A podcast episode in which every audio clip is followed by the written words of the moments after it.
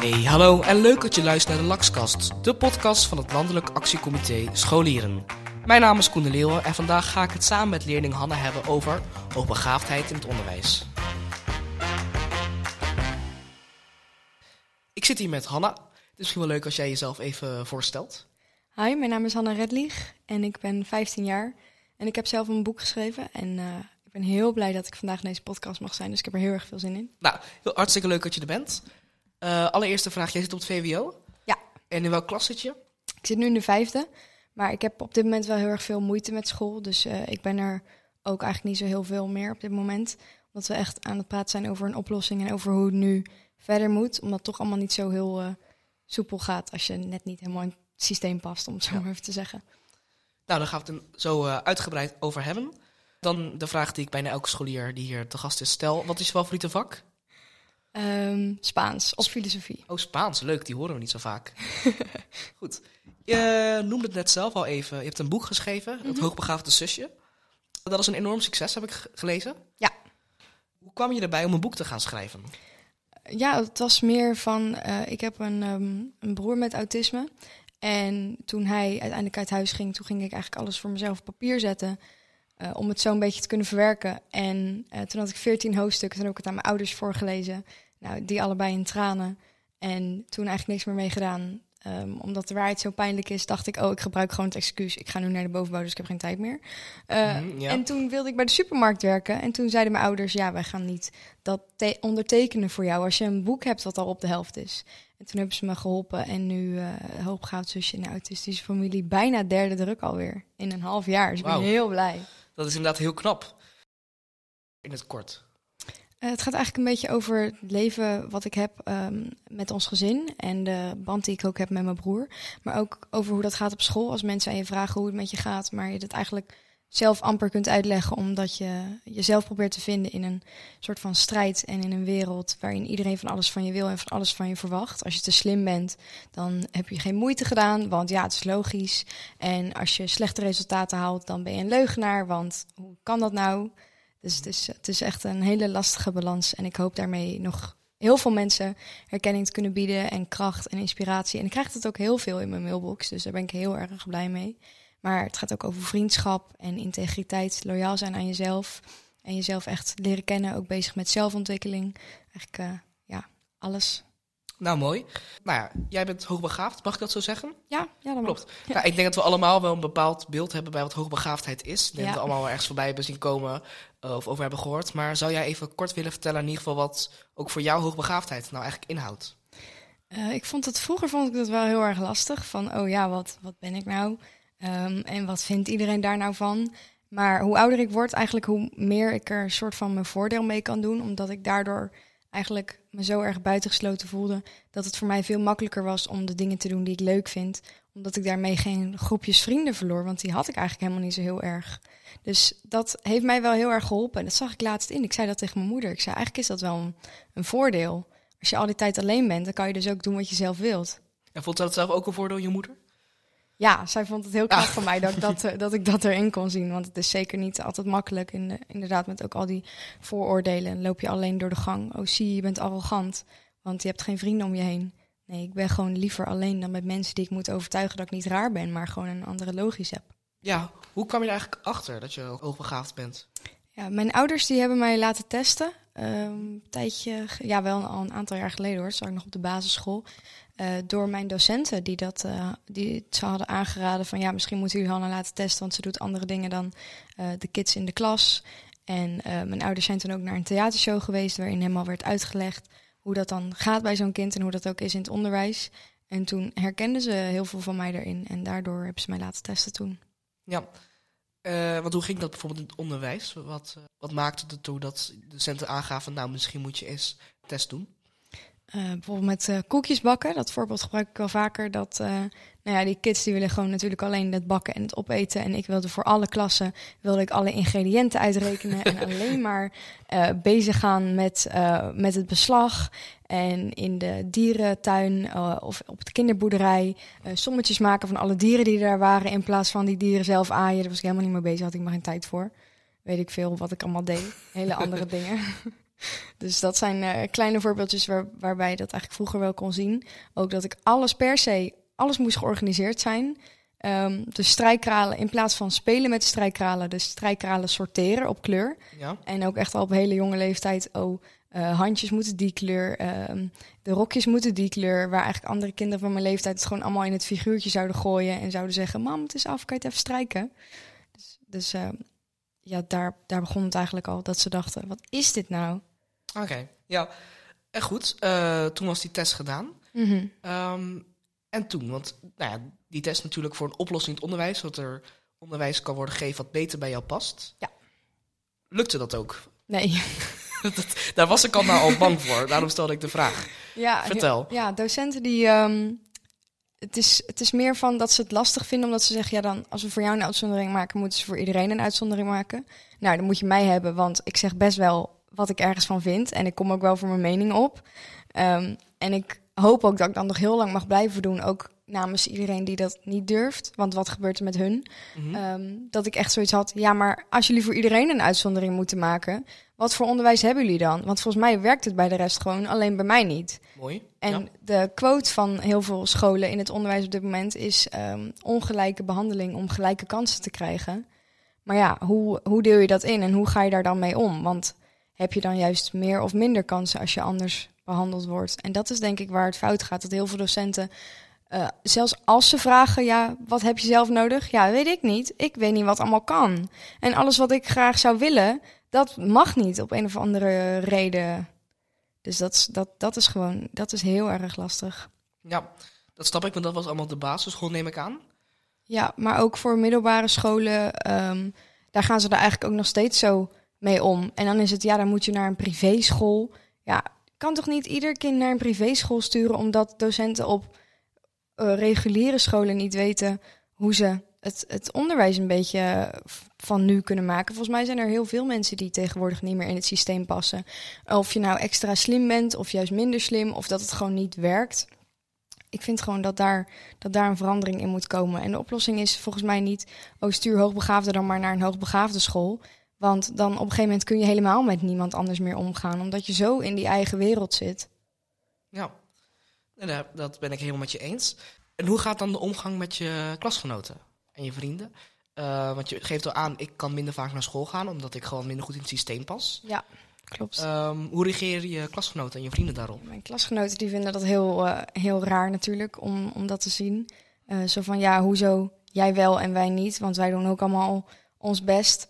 Uh, maar het is gewoon, wij struggelen met hele andere dingen. Zij zouden eerder struggelen, denk ik, met oh, hoe leer ik nou iets en hoe haal ik hoge cijfers. En ik ben eigenlijk al die tijd bezig met hoe hou ik mezelf gemotiveerd en waarom moet ik dit doen. En constant vragen om verdieping, waar ook in het onderwijs helemaal niet zo heel erg veel ruimte voor is. Dus de dingen waar we tegenaan lopen, die verschillen gewoon heel erg. En daarom denk ik dat het als school zijn ook heel moeilijk is om een onderwijs te maken wat voor iedereen werkt. Maar zeg dan niet dat het aan ons ligt. Nee, helder. Zijn er een aantal voorwoorden die je kan noemen om het toch een beetje positief te houden? Waarvan je zegt, nou, dat deed een docent of dat deed een, een mm. klasgenoot. Nou, dat, dat hielp voor mij heel erg. Dat gaf mij wel de uitdaging die ik nodig had. Of dat gaf mij wel de erkenning die ik zocht. Ik denk dat ik vooral dat stukje heling echt vond. Wat ik ook in mijn, in mijn boek schrijf. Uh, van heel je jongeren zelf voor het geluk van later. Dat is aan de slag gaan met jezelf. Want uh, het is heel makkelijk om jezelf te verliezen in zo'n strijd en om gebukt te gaan onder die groepsdruk en te geloven dat het allemaal aan jou ligt en heel de wereld te gaan haten. Maar ik denk dat de, het, waar, je, waar ik het meeste troost aan had, is gewoon leren over mezelf. Hey, hoe kan ik met mezelf omgaan? Hoe kan ik mezelf motiveren? Ook met dingen buitenschool. Uh, ik heb ook laatst mijn certificaat gehaald van NLP. Dus ik heb nu ook. Die moet je wel even uitleggen, NLP. Ik weet toevallig wat het is, maar ja. je moet denk ik wel even uitleggen. NLP, neurolinguistisch programmeren, waar je leert over communicatie, gedrag, omgang, uh, hoe je doelen kunt halen en herkaderen en ook hoe je met emoties en zo om kunt gaan. En daar heb ik wel ook geleerd van hoe ik mijn klasgenoten, ja, het klinkt zo heftig, wat beter kan verdragen, om het zo maar even te noemen.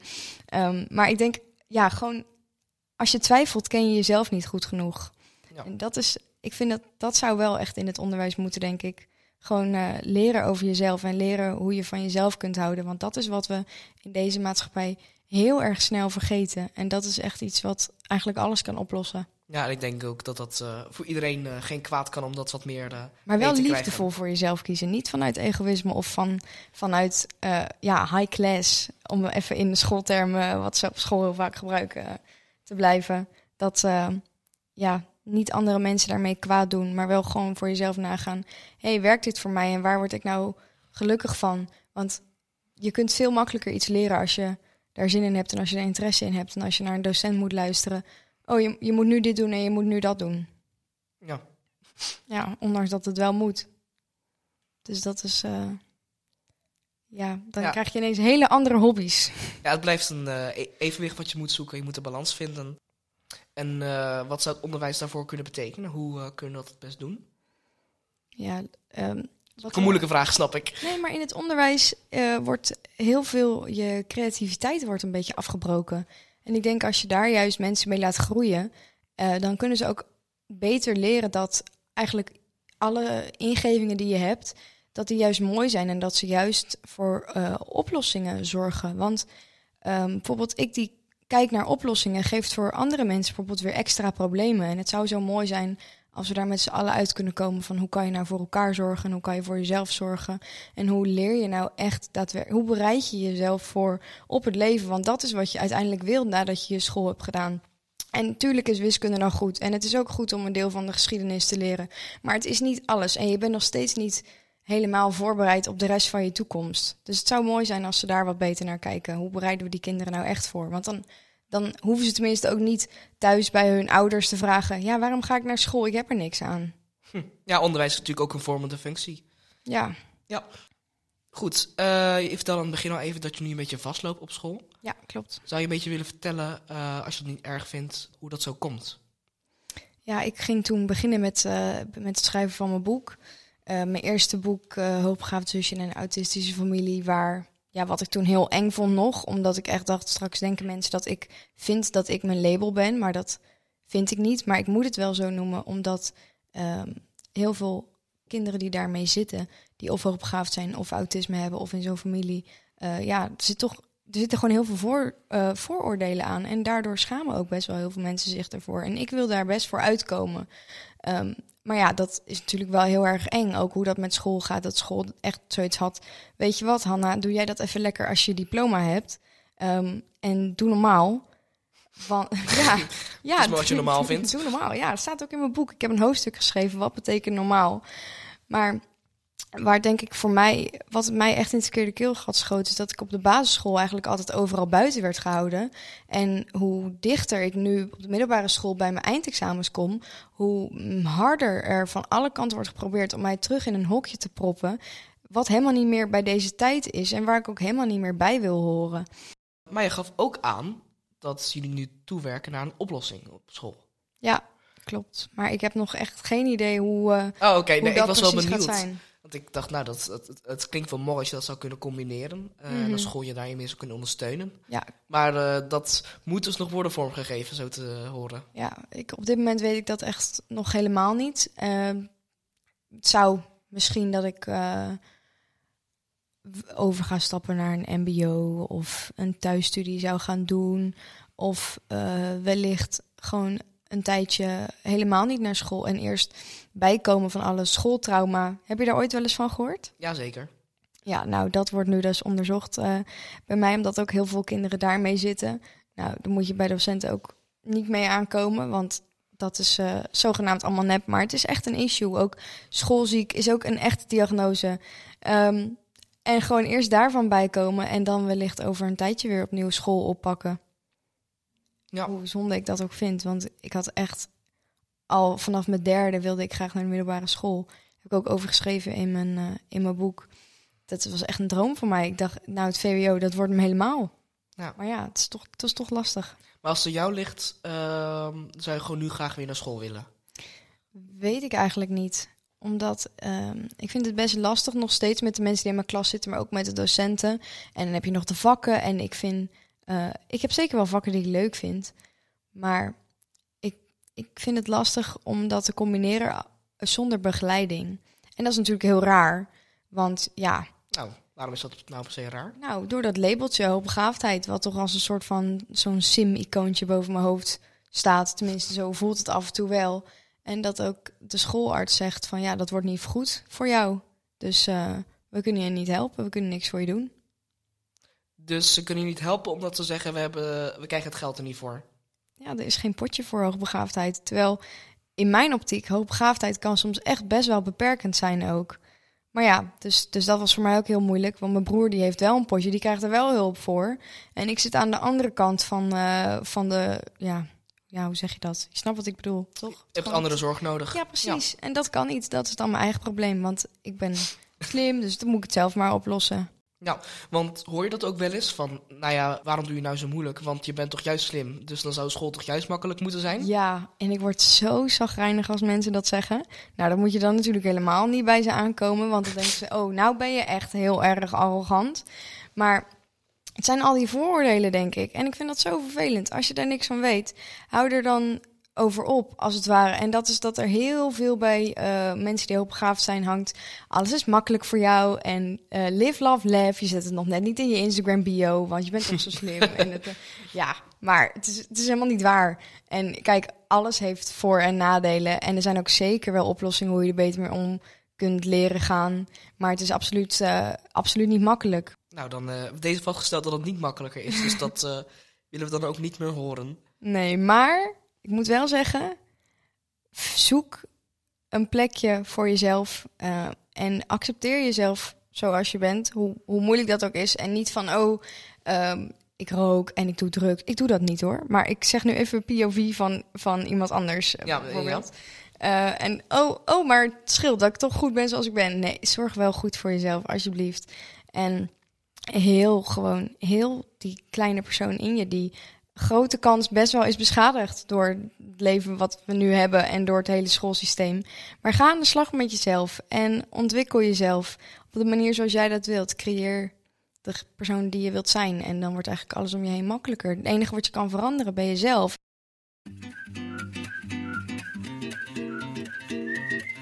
Ik heb uh, gelezen dat je ook van school bent, vaak bent gewisseld. Ja, klopt.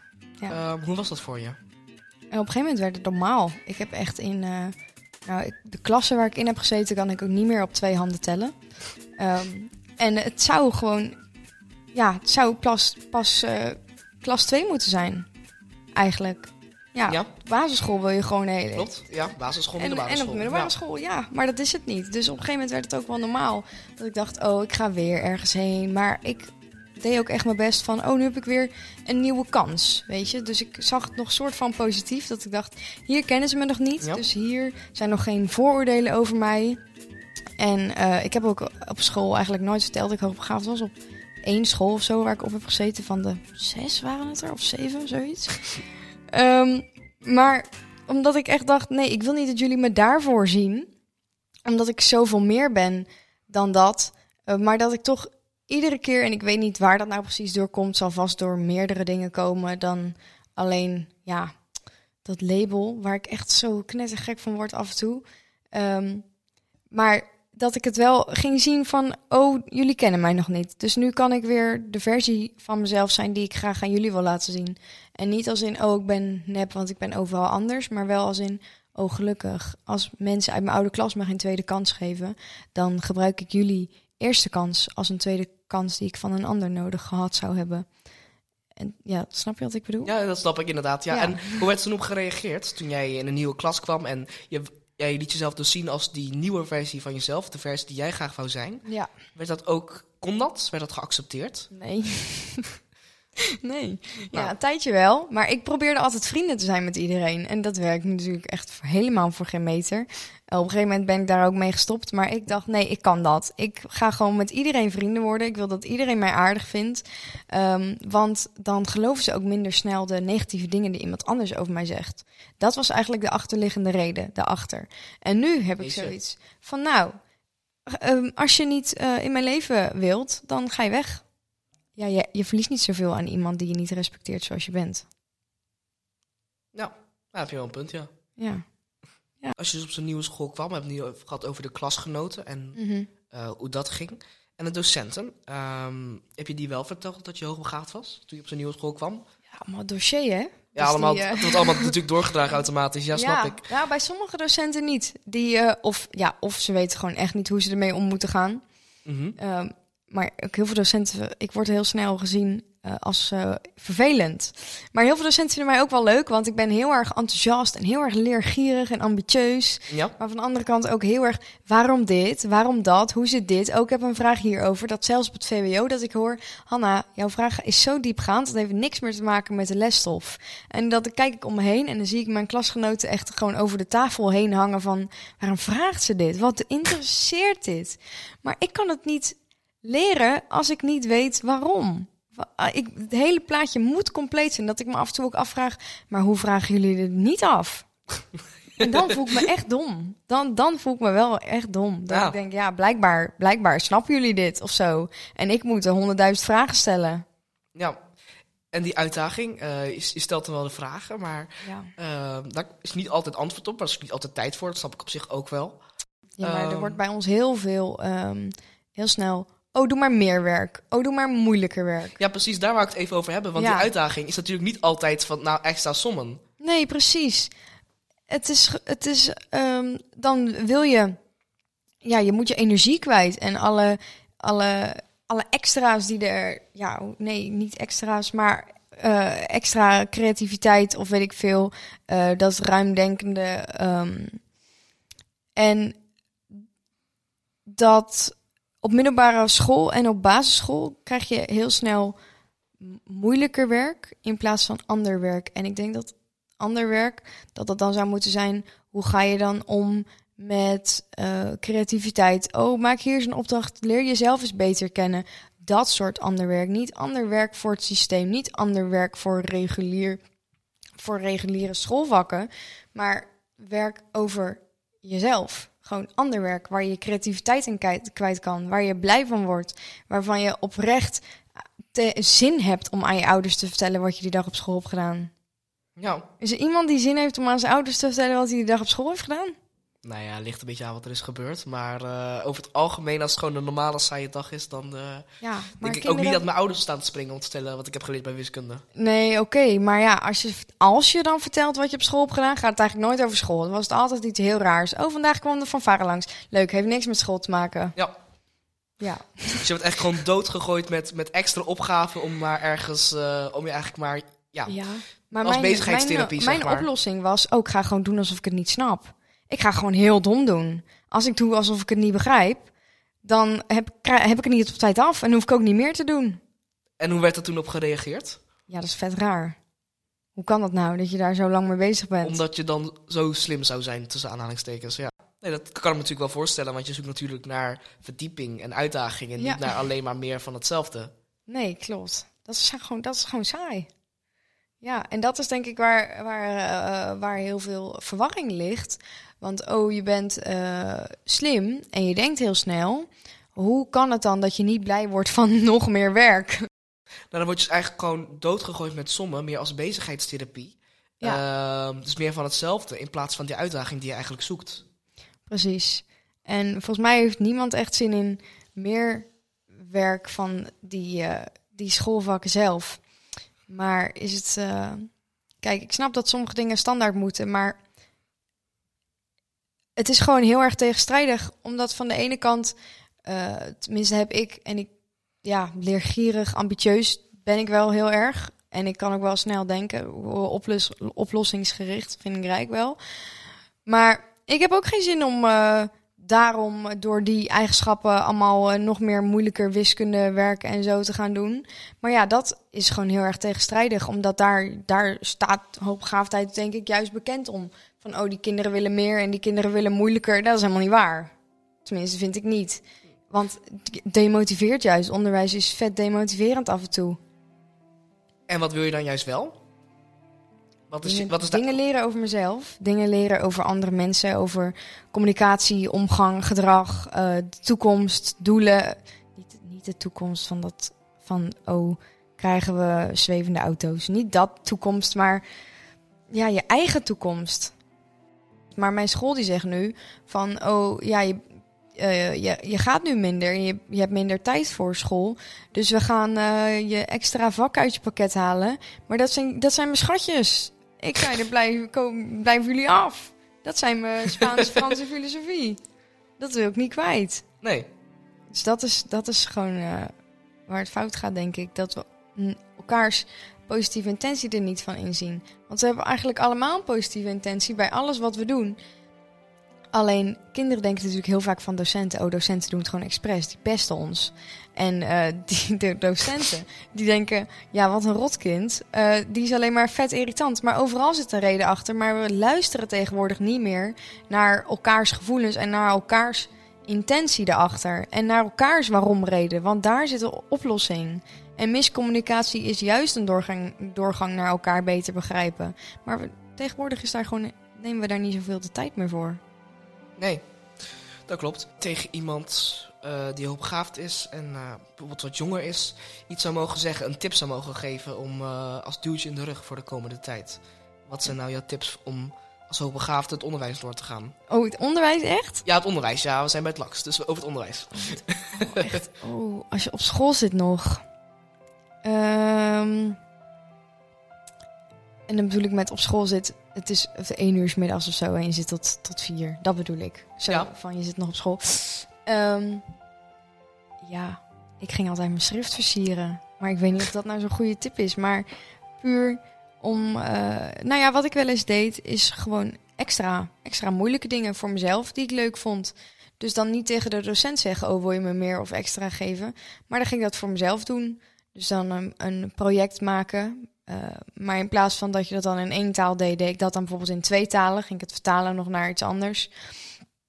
Um, en ik probeerde eigenlijk overal mijn creativiteit in te gooien. Ik maakte voor opdrachten maakte ik heel vaak een filmpje of een liedje in plaats van een presentatie. Ja. Dat is uh, creativiteit Leuk. ertussen gooien. Dat, dat helpt heel erg. Dat maakt mij in ieder geval echt heel erg blij. Omdat je dan toch nog dat een beetje traint voor jezelf. Alsjeblieft, raak dat niet kwijt. Dat het zou echt heel jammer zijn. Zeker. Dan wil ik eigenlijk nog uh, twee tips van jou vragen. De allereerste is voor klasgenoten. Uh, die denken, nou ja, hoogbegaafdheid, dan ben je slim, dat is makkelijk. Mm -hmm. Wat zijn nou tips voor hun om beter met hoogbegaafde klasgenoten om te kunnen gaan? Wat, wat kunnen zij doen om jou een beter gevoel te geven dat je ook echt welkom bent op school en in de klas? Ik zit even na te denken. Ik denk dat het gewoon belangrijk is dat je elkaar kent en dat je zo lang mogelijk je oordeel over iemand anders uitstelt. In plaats van meteen, wat zeg jij allemaal met je zelfontwikkeling? Doe normaal. Uh, maar luisteren naar wat heeft iemand anders nodig en hoe kunnen wij liefdevol voor elkaar zorgen en liefdevol voor onszelf zorgen. En dat is niet eens per se met hoogbegaafdheid uh, versus iemand die dat niet heeft, maar met alles en iedereen. Ik denk dat dat is heel erg belangrijk. Gewoon naar elkaar luisteren en niet horen, maar luisteren. En als je het weet, maar nog niet begrijpt, nog een keer beter luisteren. klinkt dat logisch? Ja, ik zeg ook altijd uh, eerst begrijpen, dan begrepen worden. Nou, dan heb ik nog één vraag.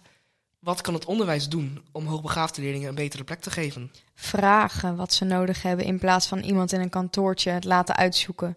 Oh, ik denk dat ik wel weet wat ze nodig hebben. We gaan nu dit en dit doen. Nee, jij zit niet op school. You don't know. Die mensen die dat verzinnen, die hebben, weet ik veel, tien jaar geleden, als het niet meer is, op school gezeten. Zij hebben geen idee wat wij nu tegen, wat wij nu de tijd nodig hebben. Vraag het aan de kinderen die daar echt zitten. Heel mooi. Dankjewel. Dan gaan we nu een beetje afronden. Ik wil je heel erg bedanken voor je, je verhalen en je openheid. Ja, graag gedaan. Tips. Volgens mij klonk ik af en toe best wel een beetje boos. Ik, uh, ik kan me voorstellen dat als je zo gefrustreerd bent door het onderwijs, dat dat af en toe uh, naar boven kan komen. Dat kan ik me heel goed voorstellen. Probeer er nog een positieve draai aan te geven. Nou, dat is ook zeker gelukt. Dankjewel Hanna. Dan uh, gaan we afronden. Je boek, Het hoogbegaafde zusje in een autistische familie, is online te vinden. En ook binnenkort in de boekhandel, als het goed is. Ja, ik hoop het wel. Ik heb het nu in eigen beheer, omdat ik, ik schrijf voor iedereen een persoonlijk berichtje. En omdat het ook een persoonlijke verhaal is natuurlijk. En dat vind ik gewoon heel erg mooi. Dus op dit moment is het alleen nog op mijn website www.hannasolana.nl. Um, ehm, maar binnenkort komt het denk ik ook wel in de boekhandel, zodat het voor iedereen wat makkelijker te vinden is. Maar voor iedereen die het nog bestelt, zolang ik nog de tweede druk heb, daar, daar schrijf ik nog persoonlijk bericht in. Nou, heel mooi. En je bent bezig met je tweede boek. En die kan gepreorderd worden, heb ik gehoord. Ja, klopt. Mijn, uh, mijn tweede boek die, uh, die staat nu net online voor de pre-order. En uh, ik ga ook mijn best doen dat hij ook in de boekwinkel uh, komt. Maar ik weet nog niet zeker wanneer die uitkomt. Het zal nog wel eventjes duren. Ik ben nu druk aan het schrijven. Al wel over de helft. Dus dat gaat heel, heel, de hele goede kant op. En dat boek uh, dat heet De Poorten naar Geluk en Wijsheid staan altijd open. En het gaat eigenlijk over je hoeft niet te wachten tot 1 januari om je leven te veranderen. Zorg dat je het leven leidt wat je wilt. Hoe, kun je dat doen? Nou, heel mooi. Ik, uh, ik kijk er zeker naar uit. Dankjewel Hanna. En jullie bedankt naar het luisteren van de Laxkast, de podcast van het Landelijk Actiecomité Scholieren.